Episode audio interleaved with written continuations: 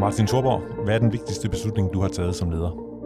Jeg tror, den vigtigste beslutning, jeg har taget som leder, det er, at, øh, at, at søge viden er, er kun en del af det at være leder. Ledelse kan ikke sættes på formel. Det er noget, der er, ligesom øh, sker på gulvet i samarbejde med ens medarbejdere og andre kollegaer, og, og noget, der kan lære som sådan en form for mesterlærer, og, og mindre noget, man kan sætte sig ned og bare læse sig til. Så begyndte jeg at slappe lidt af, da jeg ligesom fandt, fik den erkendelse.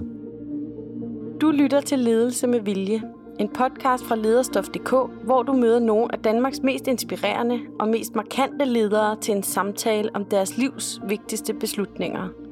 Din vært på programmet er Anders Vass, chefredaktør på lederstof.dk. Dagens gæst er Martin Thorborg. Han er kendt som medstifter af Jubi. I dag er han administrerende direktør for virksomheden Dinero, som udbyder et regnskabsprogram, der bliver brugt af over 60.000 iværksættere og mindre virksomheder. Martin Sorborg, hvilken type leder er du? Øh, ja, det er jo et godt spørgsmål. Altså, hvilken type leder er jeg? Øh, jeg, jeg er meget autodidakt. Øh, jeg, øh, jeg, jeg, synes, jeg tror, jeg er god til at snakke med folk, og jeg, jeg er enormt tillidsfuld. Øh, jeg er rigtig god til at uddelegere, og så lader jeg mig se mig tilbage. Jeg forventer, hvis man ligesom har fundet en eller anden aftale, så forventer jeg, at folk gør det, og så ser jeg mig ikke tilbage. Jeg kontrollerer ikke, jeg forventer bare, at tingene sker, medmindre jeg hører andet. Så jeg er meget naiv, øh, jeg er meget tillidsfuld. Øh, det er jo måske de ord, jeg vil sætte på, og så er det så nok også ret motiverende, vil jeg synes. Det siger folk i hvert fald. I den her podcast, Ledelse med Vilje, der tager vi udgangspunkt i en række beslutninger, du har truffet som, øh, som leder. Du har valgt nogen ud på forhånd. Kan du øh, fortælle om den første?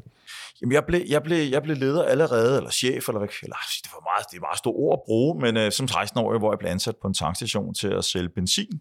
Og der, øh, der, der den chef, jeg, jeg havde der, han øh, havde meget stor tillid til, til os ansatte, og han spurgte mig efter en måned, om jeg ikke kunne styre vagterne. Øh, og det vil sige, at det var mig, der sådan skulle øh, sørge for, at der altid var bemanding på tankstationen. Og det lød jo meget nemt, at jeg fik 10 kroner ekstra i timen for det, øh, men virkeligheden var bare en anden. Lige pludselig så øh, befandt jeg mig øh, på tankstationen ret ofte lørdag aften og søndag morgen, Øh, og det, det var simpelthen fordi, at det, det var svært at motivere andre til at tage møgvagterne, og det var simpelthen lettere for mig og selv at tage dem. Øh, så det var sådan den første øh, måde, jeg stiftede bekendtskab med ledelse på. Øh, det næste, det var jo, at, øh, at, at min chef øh, var jo meget tillidsfuld og, og, og, og, og uddelegerede, og blandt andet fik jeg også lov til at, at, at købe varer ind og, og alt muligt forskelligt. Så der var rigtig meget positivt at sige om ham. Men han havde også en, en flipside, øh, som gjorde, at øh, han en gang imellem med jævne mellemrum øh, havde nogle meget, meget dårlige dage, og, og det er jo sikkert noget, der skete i privaten, det ved jeg ikke, men det var de dage, hvor at, øh, han, han kunne gå helt amok over små ting. Og jeg husker specielt en dag, hvor jeg faktisk var meget stolt af mig selv. Jeg havde stået helt alene på tanken en søndag. Jeg ekspederede mere end 500 kunder på 8 timer, øh, og, og der var ikke nogen, der var kørt for regningen, og alt var gået virkelig godt. Øh, og jeg havde et vagtskift, og den næste kom, og så sad jeg og lige talt pengene op, og så kom en chef ind på kontoret og sagde, hvad så Martin, er der nogen kastdifference i dag? Og det var ikke fordi, jeg var værre end de andre, og så sagde jeg ret stolt, hvor der var, der er 7 kroner. Ikke? Og øh, det var meget let. Og så gik han fuldstændig amok. Han råbte og skreg, at det var for dårligt, at jeg skulle min skolepenge tilbage, hvad ved jeg. Det er nu ikke blevet en formue, men, men det var i hvert fald til at forstå, at han ikke var tilfreds med min præstation. Og så gik han øh, uden et yderligere ord, og så sad jeg tilbage på hans kontor efter, øh, efter det en kæmpe skideballe og synes, at verden var det mest uretfærdige. Jeg havde virkelig, virkelig gjort en god indsats, og alt var gået godt, og så fik jeg en skideball for noget, der overhovedet ikke var dårligt. Så jeg blev simpelthen så vred, øh, så jeg ringede ned på lokal pizzeria og bestilte en øh, pizza på 100 kroner, og så, øh, så forvandlede Kasti i France fra 7 kroner til 107 kroner. Um, og det er jo ikke, fordi jeg er stolt af, at jeg sidder og fortæller den historie i dag, men den, den, gav, den gav mig noget grundlæggende omkring ledelse, som jeg jo ikke tænkte så meget over øh, før senere, men at, at den måde, man behandler sine medarbejdere på, er jo også meget reflekterende i, hvordan de behandler forretninger ind selv på. En del år senere, da jeg fik min egen butik, og selv sådan blev chefen og kalifen i butikken, så stod jeg jo lige pludselig med en, en håndfuld medarbejdere, og, og jeg, jeg var meget stresset. Jeg var, øh, jeg var jo ikke, øh, jeg havde ikke nogen speciel uddannelse inden for ledelse, og, og, og det, det var sådan noget med, at den ene kom for sent, og den anden kunne ikke lide den tredje, og, og kunne hjælpe mig efter noget tid, så begyndte der også at komme en kastdifference en gang imellem, ikke, som tydeligvis var ikke bare noget, der bare var givet forkert tilbage. Det var simpelthen for ofte, øh, og jeg blev mere og mere stresset, mere og mere vred, indtil på et tidspunkt, det gik op for mig, at den eneste forskel på, på mig og min gamle chef, det var, jo faktisk var sur hver dag. Og det var sådan en aha-oplevelse, hvor jeg tænkte, okay, hvad var det, der skete dengang chefen blev meget, meget vred på mig, for no reason whatsoever? Jamen, der var det jo faktisk stjal af kassen. Så jeg besluttede mig simpelthen for at, øh, at, at tage en snak med alle de ansatte, kaldte dem sammen, og så sagde, hvor der hvad, det må jeg undskylde. Jeg har ikke været særlig dygtig. Øh, jeg har været meget sur. Jeg har ikke været konstruktiv. Øh, og, og det må jeg tage på min kappe. Jeg synes, vi skal gå ud og spise i aften, hvis jeg har lyst. Havde det heldigvis, så gik vi biografen. Jeg betalte det hele. Og øh, næste morgen, så øh, hang jeg virkelig op i mig selv, øh, og var konstruktiv, og hjalp til med at feje gulvet, og var virkelig med øh, ude i forretningen, og prøvede sådan at børste de ting af, og der skete jo altså bare det mirakel, at inden for ganske få dage, jamen altså, så var kastdifferencerne næsten ikke eksisterende, øh, humøret på, i butikken var højere, og så videre, og så videre. Så der kom en masse positivt, så den beslutning, jeg tog, det var jo simpelthen at være positiv, at, øh, at være tillidsfuld, at være medhjælpen og så videre. Og det, og det, og det drejede hele øh, forretningen rundt for mig. Og hvordan bruger du det i praksis i dag?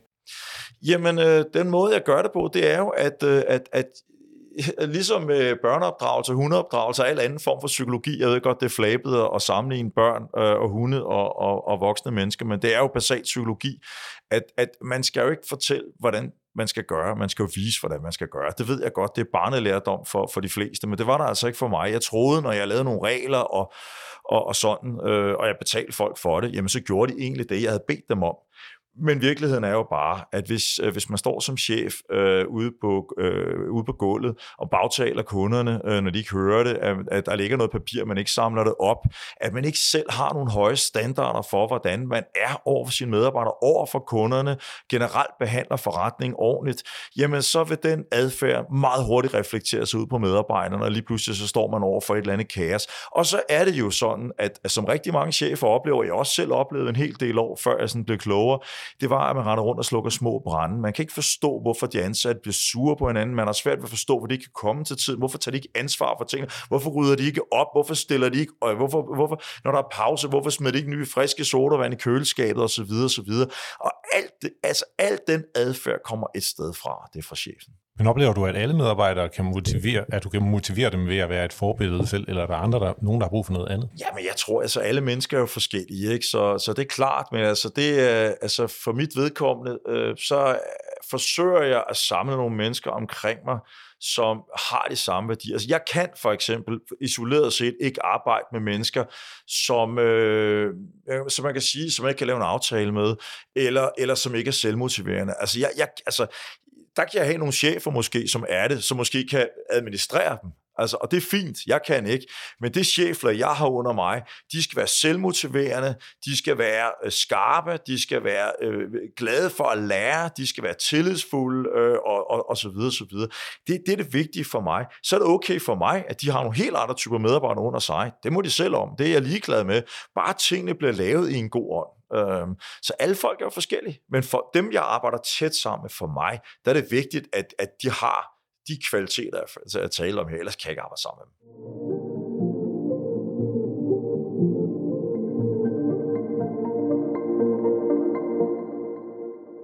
I ledelse med vilje, der beder vi altid gæsten om at tage en genstand eller noget med, som øh, betyder noget øh, for vedkommende som leder. Hvad har du taget med? Kan du prøve at beskrive det? Ja, det kan jeg godt. Øh, det er to hvide ting øh, med en, øh, en, grøn, en grøn ting, og der står Adidas på. Øh, det er min sko. Øh, og det er selvfølgelig fjolle ting. dem har jeg så altid på mig, kan man sige. Men det er også ekstremt vigtigt, fordi det er, og jeg ved godt, det er meget slidt at sige, at sådan my by walking og så videre, men det er, det er jo blevet slidt, fordi det er rigtigt. Altså det at, at bevæge sig rundt på gulvet, altså det med at sætte sig op, i, op, op, op på chefkontoret, øh, lukket inde, Øhm, og, og så ellers øh, holde lidt hof en gang med at kalde folk op, jamen det, jeg ved ikke, om det nogensinde har fungeret, øh, men det fungerer i hvert fald ikke i dag.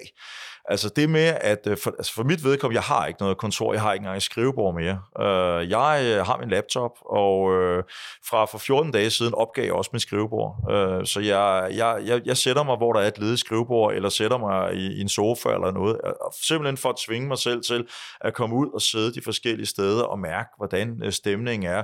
Sidde og lære mine medarbejdere bedre at kende, fordi igen, altså den eneste måde at, at, at behandle alle lige på, det er jo at behandle folk forskelligt. Og det, der motiverer den ene, kan være frygteligt demotiverende for den anden. Så det er det med at komme ud og mærke og se, hvem, hvem er de forskellige mennesker, jeg arbejder med? Hvad er, det, deres, øh, hvad er det, de går op i? Hvad er det, de er bange for? Hvad er det, der motiverer dem? Hvad er det, der demotiverer dem? Og, og jo bedre jeg lærer dem at, forstå, altså, at kende, jamen, jo bedre øh, chef kan jeg være, øh, leder kan jeg være, og inspirator kan jeg, kan, kan jeg være for, for dem. Så min sko er, er vanvittigt vigtig. Hvor mange øh, medarbejdere kan man man være så tilstedeværende en chef for? Det ved jeg ikke. Øh, altså, jeg har 50 lige i øjeblikket, øh, og det er klart, at der er jo en eller anden form for øh, kapacitetsgrænse. Men så tror jeg, at desto vigtigere det er at have en virksomhedskultur, der er stærk. Ikke? Og det er, jo, det er jo derfor, jeg er jo meget tæt med mine chefer. Jeg har fire øh, mellemledere, om man vil, som jeg er meget tæt på. Jeg havde med hjemme privat her faktisk i øh, fredags, hvor jeg købte noget brunch, ikke? hvor vi brugte en 4-5 timer sammen med strategi. Men vi sidder også og hyggesnakker om det private, og hvad laver du, og hvordan går det, og så videre. Sådan, så man er meget, altså man er, vi har et enormt tillidsfuldt forhold. Altså, vi, vi kan sige alt til hinanden. Vi bliver aldrig sure på hinanden. Og vi er altid åbne for kritik eller, eller input, fordi vi ved alle sammen, at vi har enorm respekt for hinanden og vores faglighed. Øh, og, og derfor har vi det smadret hyggeligt, og vi får energi af at, at, at være sammen. Så hvis jeg kan få den ligesom min, altså virksomhedskulturen, altså det er jo ikke kun nedad, det er jo også opad, at vi er fuldstændig alignet, så ved jeg også, at det er jo det, der kommer længere ned i, i, i systemet. Ikke? Det er jo min eneste måde for at sikre, at det kører ned. Og det, altså, det, så det skal jo også skaleres. Så selvfølgelig, hvis jeg havde en fabrik med 1000 ansatte, ville jeg jo ikke kunne gå rundt og snakke med alle 1000. Jeg kunne gå en tur rundt og sådan vise, at jeg interesserede mig selvfølgelig, og det ville jeg også gøre. Men jeg ville sikre mig, at jeg havde et, et mellemlederlag, som jeg var ekstremt på bølgelængde med, så jeg vidste, at at vi var en forlængelse af hinanden, og det er meget vigtigt, det er ikke en forlængelse af mig. Jeg er også en forlængelse af dem. Altså kulturen er jo noget, der går begge veje. Og det er jo også, de er jo forlængelse af deres kollegaer. Altså, så der, der er jo også meget, der trickler op derfra. Så det er jo noget, der hele tiden kører op og på tværs. Ikke? Så det er sådan en organisme på en eller anden måde. Hvordan er en dag i de sko, du har taget med? Jamen altså lige nu er det jo lidt anderledes, fordi nu er alle sendt hjem, øh, så skoene er måske mindre vigtige for mig sådan lige, øh, på, lige, lige nu og her. Men når jeg stopper om morgenen, øh, kigger jeg på Slack-kanalen. Øh, det er jo sådan et øh, samarbejdsredskab, øh, hvor jeg faktisk er til med næsten alle kanaler for virksomheden, så jeg sidder også og ser kigger med på, hvad udviklerne snakker om. Jeg blander mig ikke så meget, men det er bare sådan lige for at mærke stemningen. Jeg kigger på, hvad marketing går og laver, og kommer lidt input en gang imellem osv. Så, så om morgenen får jeg sådan en grundfølelse af, at, af, alt som det skal være. Og, og normalt vil jeg jo være inde på kontoret, jo, og så vil jeg jo gå rundt og, og, og snakke med, med, med, med de forskellige. Så vil jeg gå ned i supporten og sige, hvad så? Er der noget af køretingene? Det er jo det, et af de vigtigste steder, fordi det er der, vi altid øh, kan tage temperaturen på kunderne. Er de glade? En ting er, mine KPI'er, øh, de er i orden, men det er også der, jeg sådan skal, kan mærke, er der nogle frustrationer eller andet, som, øh, og det er der sjældent, men øh, hvis der er, så kan jeg i hvert fald lige tage dem der. Og så vil jeg typisk også lige runde marketing, øh, og, og bare lige høre dem, hvordan, øh, hvordan går øh, tingene der, og måske lige høre ind til de forskellige, hvis der er nogen af dem. Jeg arbejder sådan meget med tekstfolkene, kan man sige. Jeg er selv meget glad for at skrive, så ofte så er jeg lige hen og høre du ved, omkring nogle, om vi har lavet nogle nye nyhedsbreve eller andre ting, vi går og arbejder med. Der kan jeg som regel også give lidt input øh, på noget af det. Øh, og så vil jeg typisk vende ned forbi øh, Øh, udviklingsafdelingen, og der vil jeg bare sådan gå sådan en tur ned og lade, som regel være med at forstyrre dem for meget, øh, fordi jeg har, ikke, jeg har ikke enormt meget input der, men måske lige stoppe op ved, ved, ved et par af dem, som jeg ved er i gang med et eller andet, som jeg selv er involveret i, og lige høre, hvordan det går. Ikke?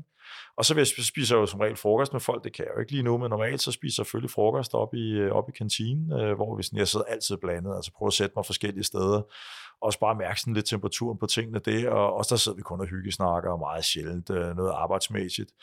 Øh, og så deltager jeg i alt, hvad der er fredagsbar, og hvad, der, hvad vi har sociale arrangementer, det er ekstremt vigtigt. Altså jeg deltager med alt, hvad der, alt, der bliver lavet, medmindre det er afdelingerne selv. Der synes jeg, det er meget vigtigt at lade være med at deltage. Jeg synes, supporterne, når de har en aften ude, så skal de virkelig altså, have lov til det, og udviklerne. Så de, de forskellige afdelinger, der blander jeg mig ikke, fordi det vil, der synes jeg, der vil jeg tage en eller anden form for uh, glory fra deres almindelige chef. Deres chef skal være den, der står med kreditkortet og, og ligesom faciliterer, der går ud og betaler og sætter stemning og så videre. Og der fylder jeg for meget, ikke? så der, der, der, der passer jeg meget på med ikke, og, og, og altså de mister deres autoritet, og den fornøjelse, der er også ved at ligesom være den, der, der, der laver det arrangement. Men fælles arrangementerne øh, dukker jo op i. Hvis vi går tilbage til de store beslutninger i dit lederliv, så peger du selv på øh, det tidspunkt, hvor du beslutter dig for at afskaffe bonusordningerne.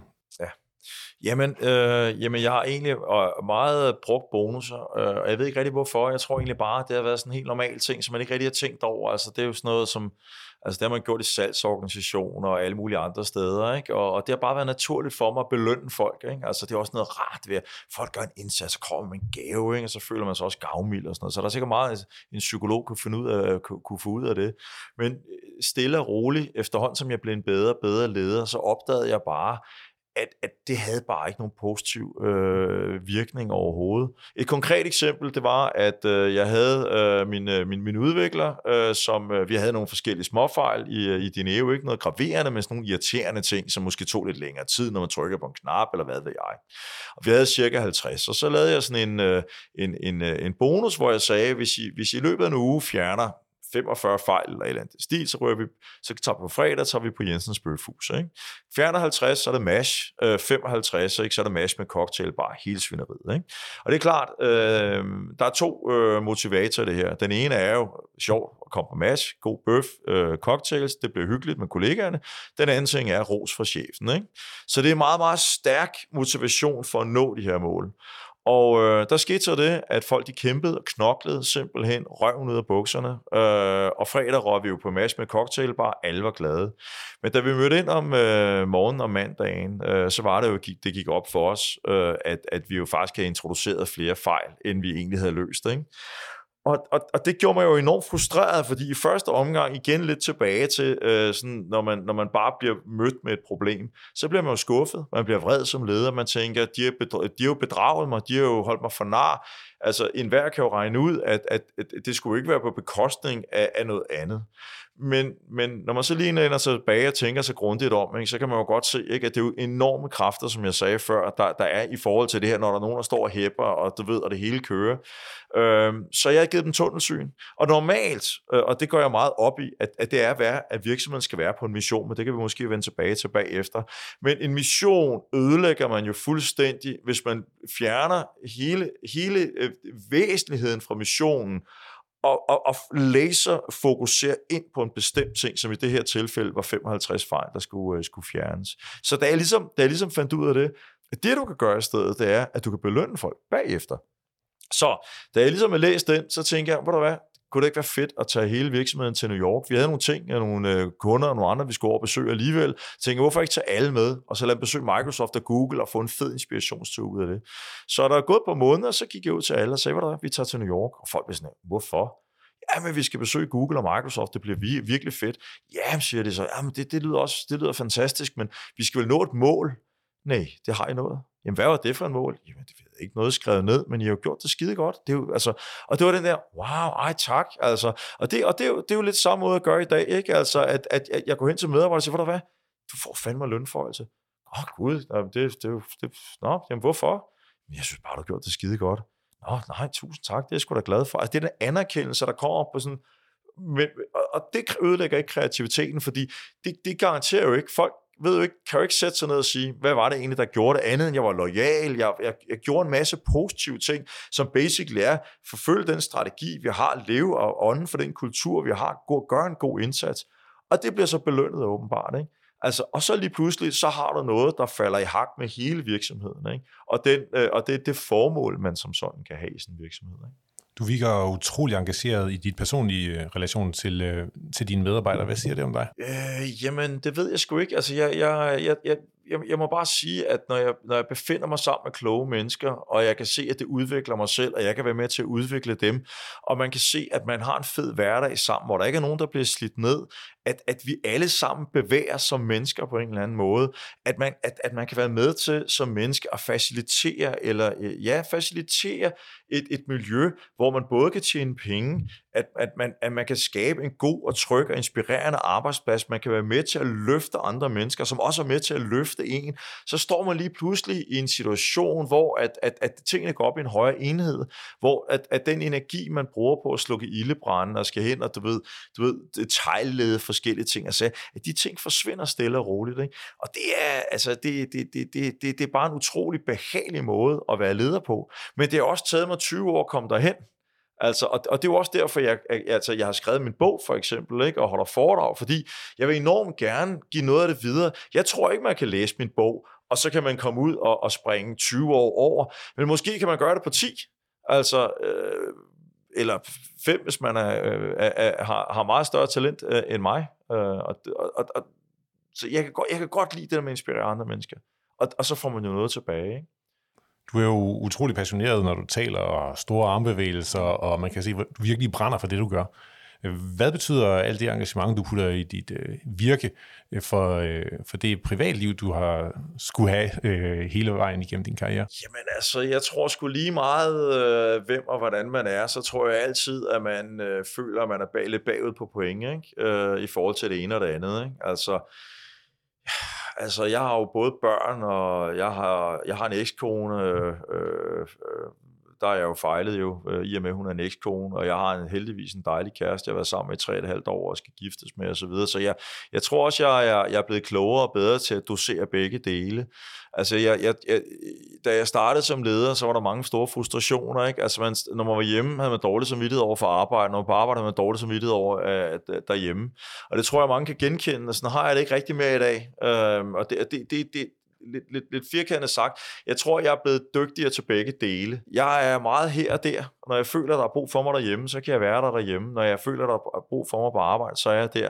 Og den der flydende tilgang til det, og samtidig være nærværende så godt, som man nu kan, når man nu også har en telefon, som øh, man jo er slave af, ligesom alle mulige andre, øh, kan være sammen med sine børn. Altså, så, så synes jeg egentlig, at tingene fungerer, men jeg har da haft øh, utrolig meget dårlig samvittighed i mit liv, og jeg har været meget, meget, meget stresset og meget trist øh, på nogle tidspunkter, og, og, og, og haft øh, meget dårligt selvværd også. Altså, det, det er hårdt at være leder. Det er meget, meget hårdt at være leder i starten i hvert fald, indtil man forhåbentlig ender med at finde en eller anden form for balance og kadence i tingene.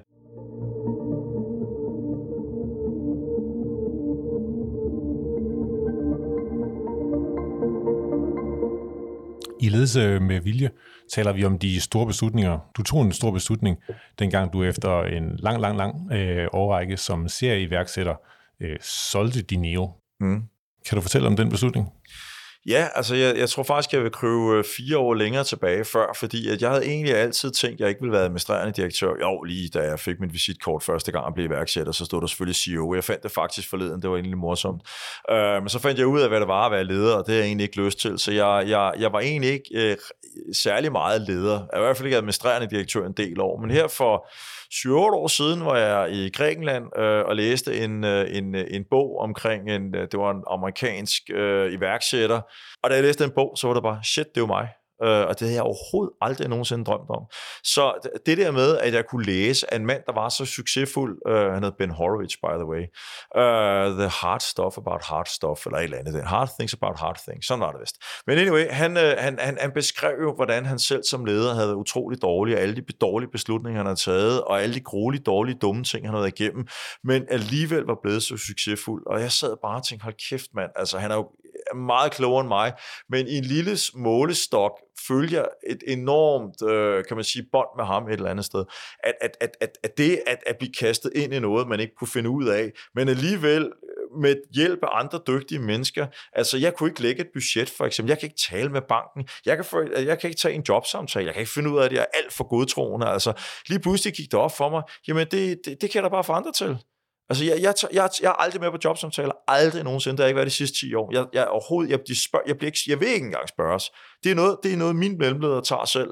Til en jobsamtale er det sgu vigtigt øh, øh, mere at have de kritiske briller på, de positive, fordi som regel, øh, står man jo med et, et, en eller anden form for talentmasse, og det er jo sjældent, man sidder med en til jobbet, så har man i hvert fald øh, gjort sit arbejde dårligt, eller ude i et meget specielt erhverv, og, og ofte øh, altså, har man måske 20 ansøgninger til noget, så nytter det jo ikke ens udgangspunkt, at alle 20 kan bruges, vel? Altså, det, det, det bliver noget værd roderi, øh, og, og, og tager meget lang tid, og bliver rigtig dårligt resultat. Altså, som jeg plejer øh, at, at, at tænke, ikke? Altså, hvis, hvis jeg skulle ansætte en galophest, ikke, så ville jeg gladeligt tage en med tre ben, ikke? Altså, fordi den havde en pæn mule, ikke?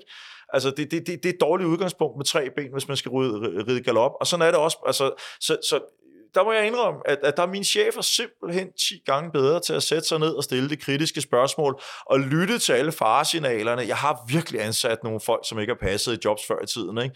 Det er jo aldrig den person, der ansøger jobbet, der har ansvar. Det er jo mig, der er ansat vedkommende. Ikke? Og det er jo synd, det koster kassen for os, og der er en person, der får et nederlag, de skulle jo bare have et pænt afslag på deres ansøgning, ikke? Sådan siger sådan, ja, okay, og så er de gået ud og, og, og forhåbentlig fået et job, hvor de passer godt ind i, ikke? Så, så, så jeg har sikkert ødelagt, eller ikke ødelagt måske, det er måske overgørende, men jeg har i hvert fald gjort nogle mennesker i dårlig humør, lad mig sige det på den måde. Og så har det også kostet os en masse penge, så jeg holder mig langt væk fra det. Men det var, det var bare en befrielse at finde ud af, gud, jeg behøver måske ikke være god til det hele. Det er da egentlig okay, jeg ikke kan læse et regnskab. Det er jo lidt sjovt, når jeg er administrerende direktør i et firma og laver regnskabsprogram. Jeg kan ikke læse et regnskab. Jeg, jeg ved ikke, hvad de forskellige ting er. Jeg kan ikke motivere sig af det. Jeg ser dansende myre for mine øjne, ligesom jeg gjorde, da jeg havde matematik i gymnasiet, som jeg først gik ud af efter første G. Altså, så, så lige pludselig gik det op for, jeg kan egentlig måske bare, jeg er jo egentlig ret god leder men så kan jeg måske outsource de andre ting. Jeg kan måske finde en, der kan lave økonomien. Jeg kan måske få en til at hjælpe mig med at hyre folk. Jeg kan måske finde nogen, der er gode til at være mere organiseret, end jeg er. Så jeg gik hjem og sagde til David, hvor der den napper, jeg kraftede mig. Og så er det jo gået godt siden. Så da jeg egentlig, øh, da vi solgte forretningen til Visma, øhm, så var jeg egentlig meget afslappet med det, fordi at, at, at det var jo gået skide godt i de fire år. Og jeg, jeg havde lagt kortene på bordet, det tror jeg er sindssygt vigtigt som leder. Det er at være tro mod sig selv, og så ligesom se, altså hvad er, det, hvad er det, jeg er rigtig god til? Og hvad er det, jeg er dårlig til? Problemet er jo lidt, hvis du skal bruge, øh, lad os sige, øh, x energi på at blive bedre til det, du er dårlig til. Hvis du bruger det, så kan du måske blive 10% bedre til det, du er dårlig til. Det betyder stadig, at du er dårlig. Eller måske bare svagt, rigtig svagt middel god til det.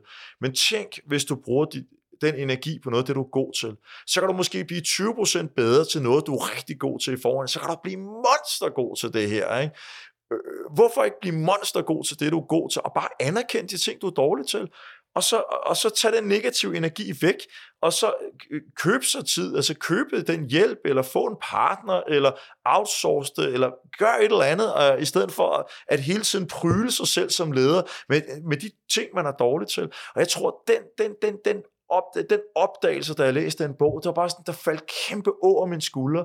Og da der Visma kom, så sagde jeg bare til med det samme, nu skal I høre her, i, I, I kommer aldrig nogensinde til at få noget fornuftigt ud omkring økonomien. Jeg lover, at den nok skal blive god. Tak. Det er en masse gode historier, du har fra din, øh, fra din ledelsesrejse øh, og i, i det hele taget din karriere. Jeg vil gerne slutte af med at snakke om de beslutninger, du skal tage øh, i fremtiden. Mm. Som du ser det, hvad er det så for nogle beslutninger, du står over for øh, nu og øh, i resten af din karriere? Jamen, øh, lige nu er det vanvittigt svært.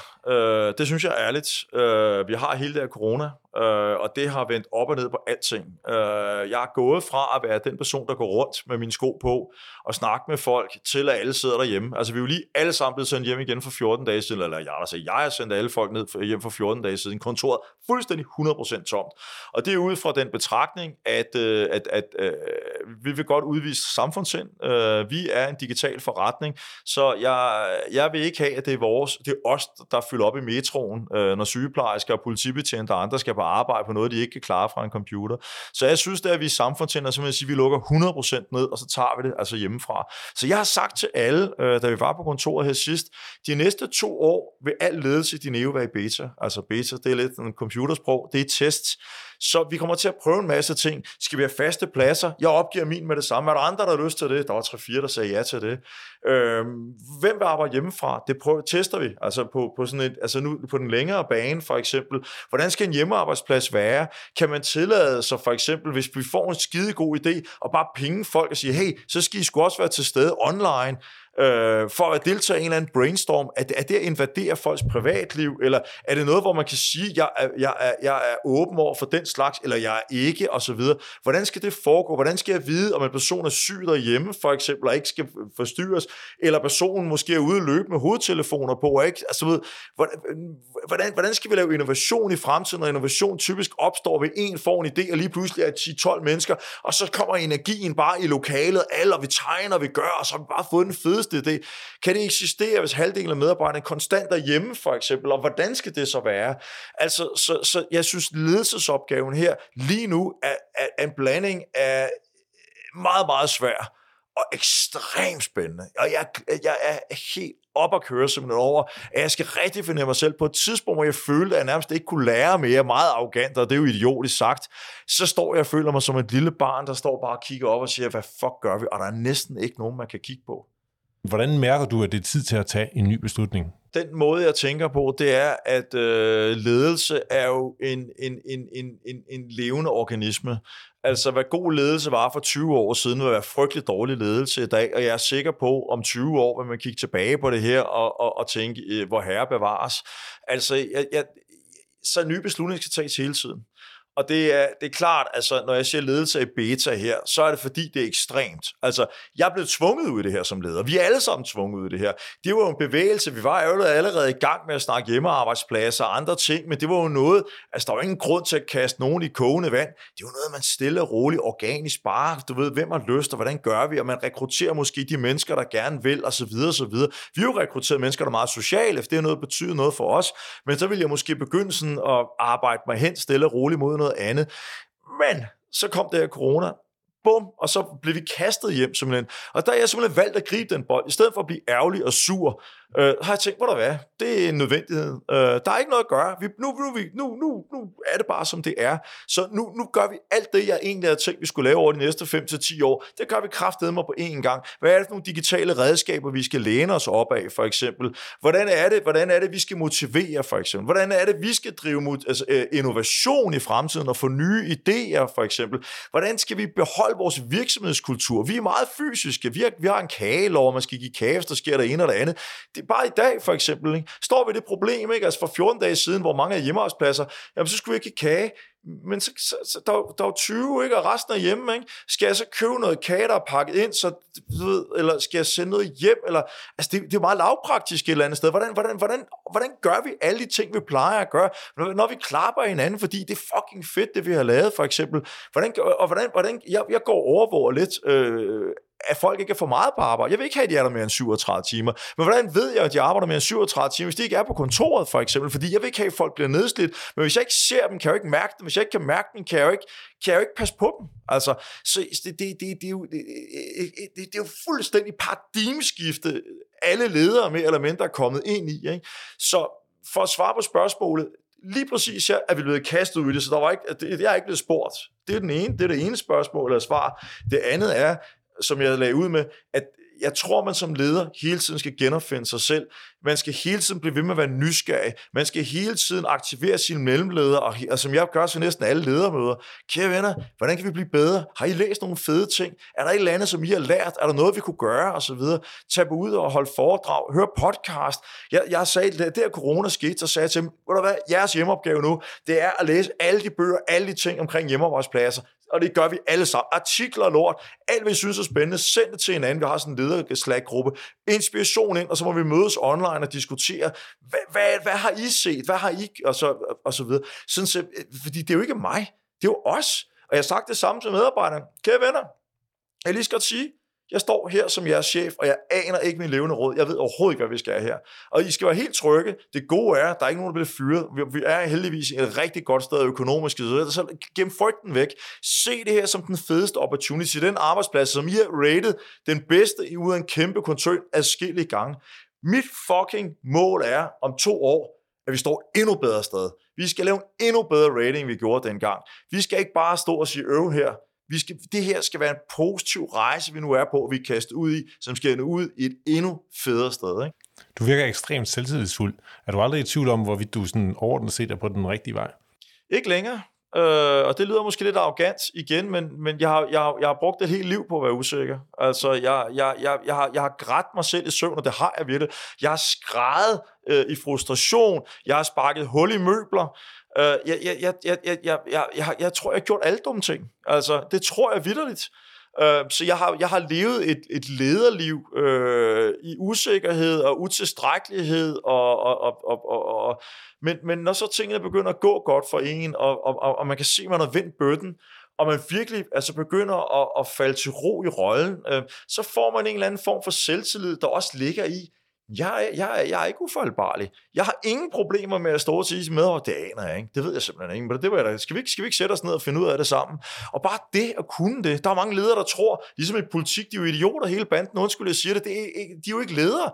Altså, men stille sig op med en journalist og spørge om et eller andet, man ikke kan svare på. Hvad fanden er der galt i at sige, for hvad, det ved jeg simpelthen ikke. Det er sgu et godt spørgsmål. Hvor du er. Jeg tror sgu, det går jeg hjem og undersøger. Skal vi ikke tage en snak om det i morgen, for eksempel? Det vil være så befriende med nogen, der indrømmer, at de ikke ved alt. Men det tror politi- politikere, de gør, og det gør dem utroværdige, og derfor folk har enorm lede i forhold til politikere. Og de få politikere, der tager indrømme deres egen fejl, Tommy Ahlers for eksempel, ikke, som en af dem, som faktisk har altså, dyrket det uperfekte, er jo faktisk en, som folk er, er, er faktisk ret godt kan lide. Ikke? Det er menneskeligt. Ikke? Og, det, og det er det, altså, at, at når først du hviler i, at det er okay, ikke at vide det hele, så kan det ikke gå galt. Mange tak, Martin Sorborg. Jeg hedder Anders Vass og er chefredaktør på lederstof.dk. Danmarks nye medie om livet med ledelse og alle de emner, der præger lederens hverdag. Vi bliver udgivet af Lederne, Danmarks største interessefællesskab for ledere, og vi håber, du har lyst til at lytte med en anden gang.